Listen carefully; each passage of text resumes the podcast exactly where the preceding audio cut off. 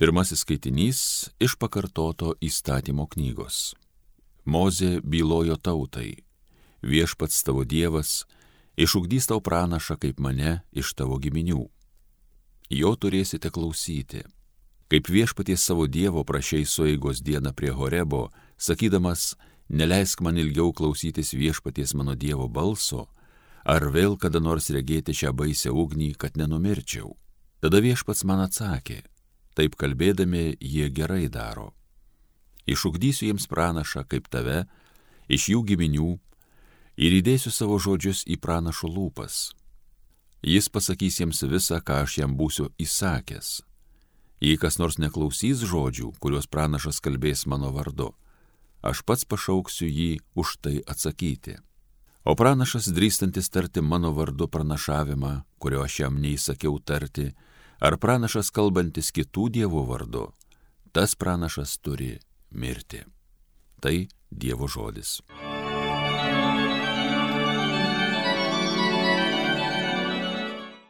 O kad išgirstumėt šiandien, ką jums viešpats byloja, nebūkite kieta širdžiai.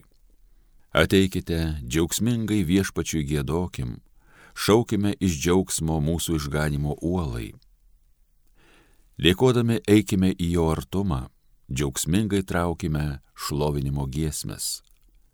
O kad išgirstumėt šiandien, ką jums viešpats byloja, nebūkite kieta širdžiai. Ateikite jo pagarbinti ir pulkime kniūpsti, klaupkime prieš viešpatį mūsų kūrėją. Juk jis mūsų Dievas, o mes tauta, kurią jisai gano, kaiminė, kurią jis veda. O kad išgirstumėt šiandien, ką jums viešpats byloja, nebūkite kieta širdžiai. O kad išgirstumėte šiandien, ką jis byloja, nebūkite kieta širdžiai, kaip prie meribos, kaip dykumoje masos dieną, gundė mane ten jūsų senoliai, jie mane bandė, nors buvo matę mano darbus. O kad išgirstumėt šiandien, ką jums viešpats byloja, nebūkite kieta širdžiai.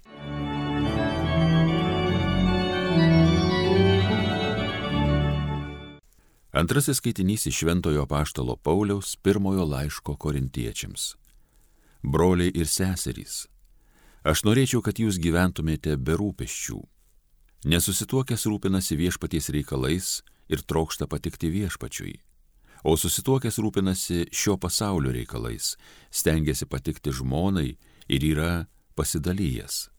Taip pat netekėjusi moteris bei mergina rūpinasi viešpaties reikalais, trokšdama būti šventa kūnu ir dvasia, o ištekėjusi rūpinasi pasaulio reikalais ir stengiasi patikti vyrui. Aš tai kalbu jūsų pačių labui, nenorėdamas užnerti jums kilpą, bet linkėdamas kilnumo ir neblaškomo atsidavimo viešpačiui. Tai Dievo žodis. Alleluja.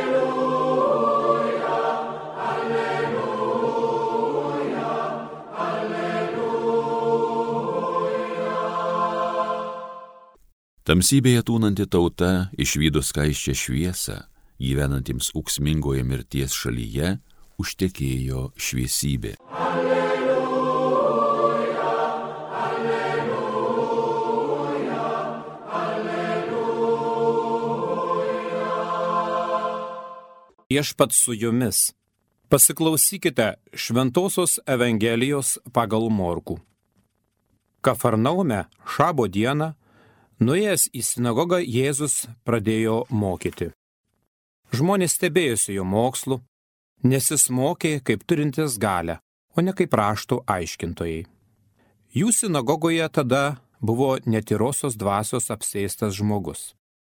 Jis ėmė šaukti, ko tau iš mūsų reikia, Jėzau Nazarenai? Gal atėjai mūsų pražudyti? Aš žinau, kad tu esi Dievo šventasis. Jėzus sudraudė jį. Nutilk ir išeik iš jo.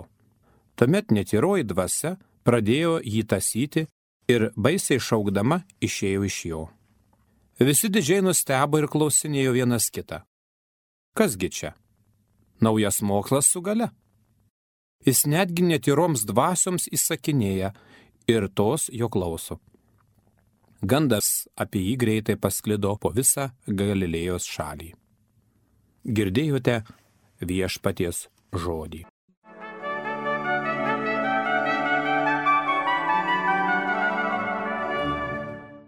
Mėly Marijos radio klausytojai, o kad išgirstumėt šiandien, ką jums viešpats byloja, ragina ir ragina mus psalmi, ragina pažvelgti Dievo veikimą pasaulyje. Štai ir pirmajame skaitini Mozė kalba apie Dievo veikimą, ragina pažiūrėti per pranašus. Bet čia pat Evangelija primena ne tik Dievą, bet ir velnę. O gyvenime ar žmonės gali pastebėti ir Dievo, ir velnio veikimą? Kodėl taip dažnai matome visur gėrį ir blogį? Labai taikliai tai pavaizduoja rašytojas Levas Tolstojus apsakėme po pokelio. Vienas jaunuolis atsidūrė turtingo karininko šeimoje pokylyje.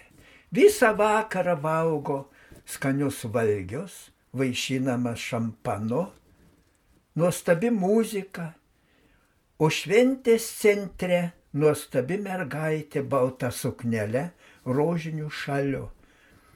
O jos tėvas koks mielas, koks nuoširdus, koks špelnus kaip nuostabiai šoko jis su dukra senovinė mazurka.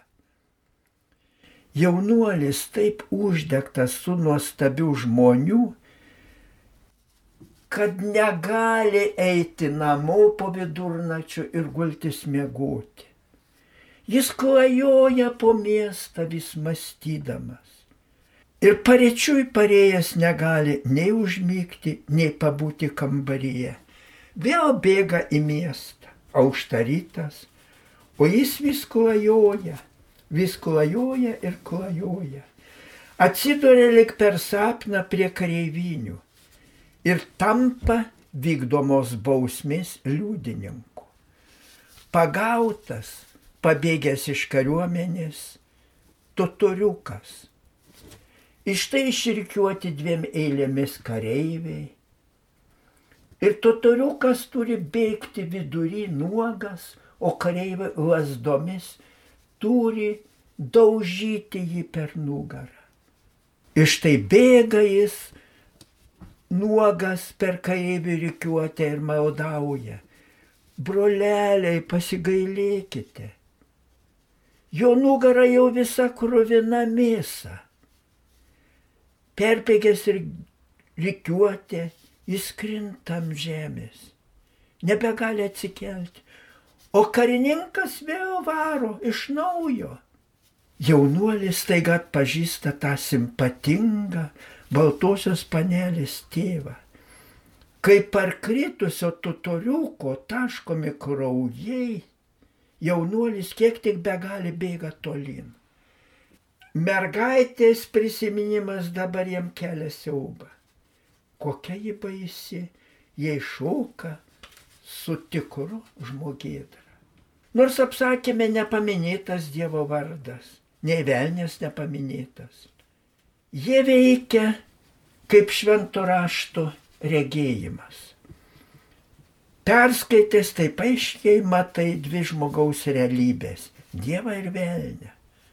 Jas rodo skiria bedugnė bet abi jos taip tampriai susijėtos.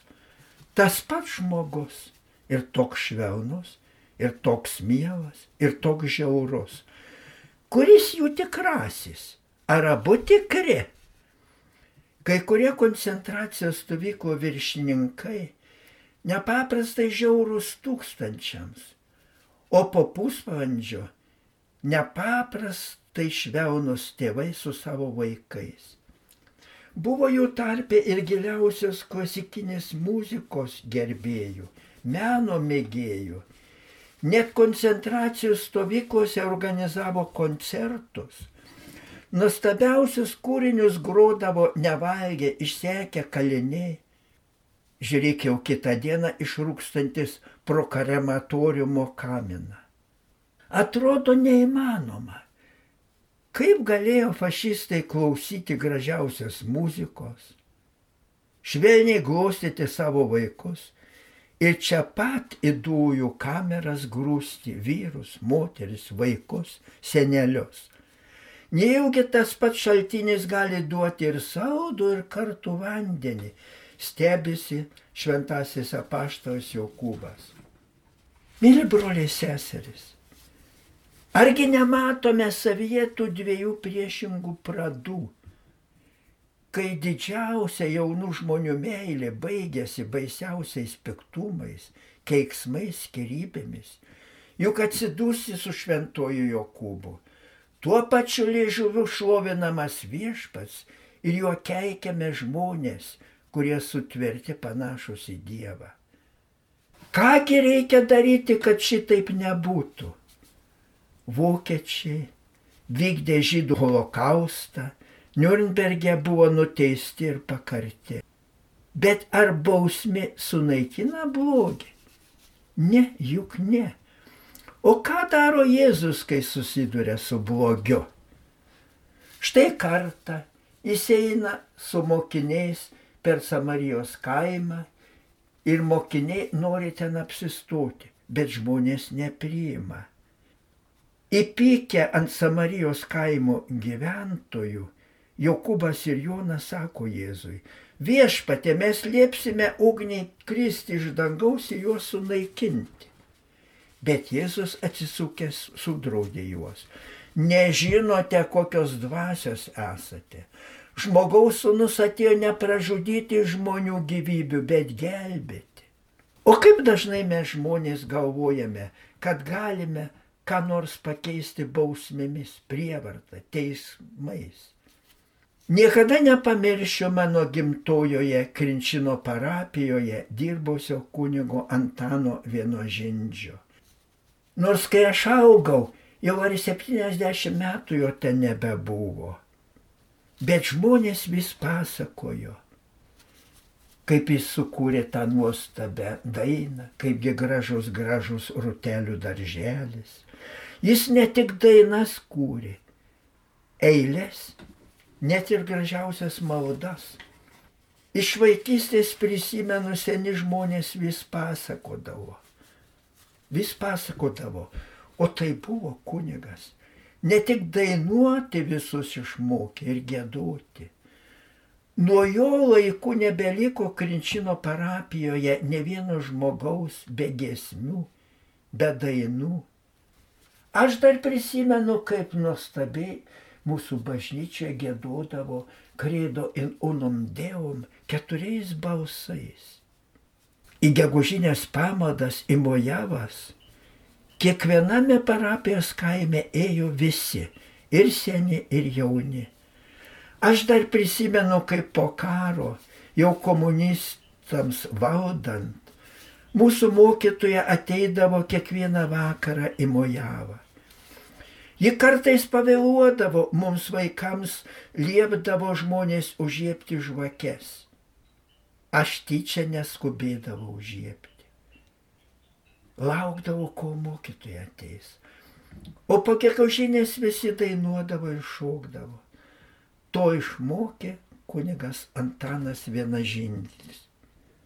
Sako, kai iš Krinčino iškėlė žmonės, kai kalbėjo, Gaila, jis visus mus būtų padarę šventais. Tikrai, jis sutaikindavo visus, net labiausiai besipykstančius.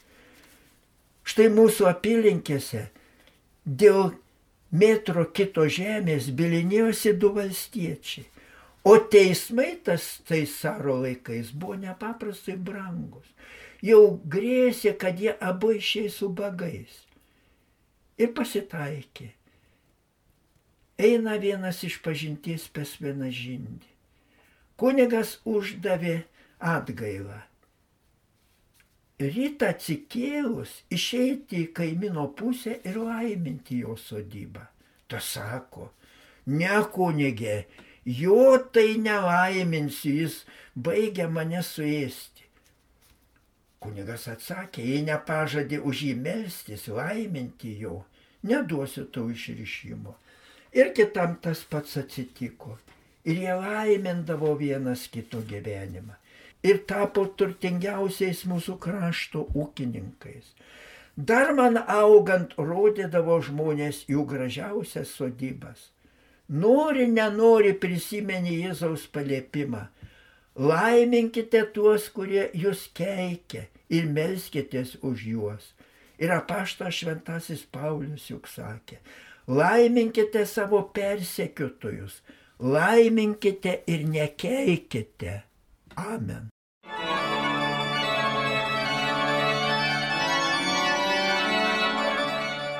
Homilyje sakė panevižio vyskupas emeritas Jonas Kauneckas.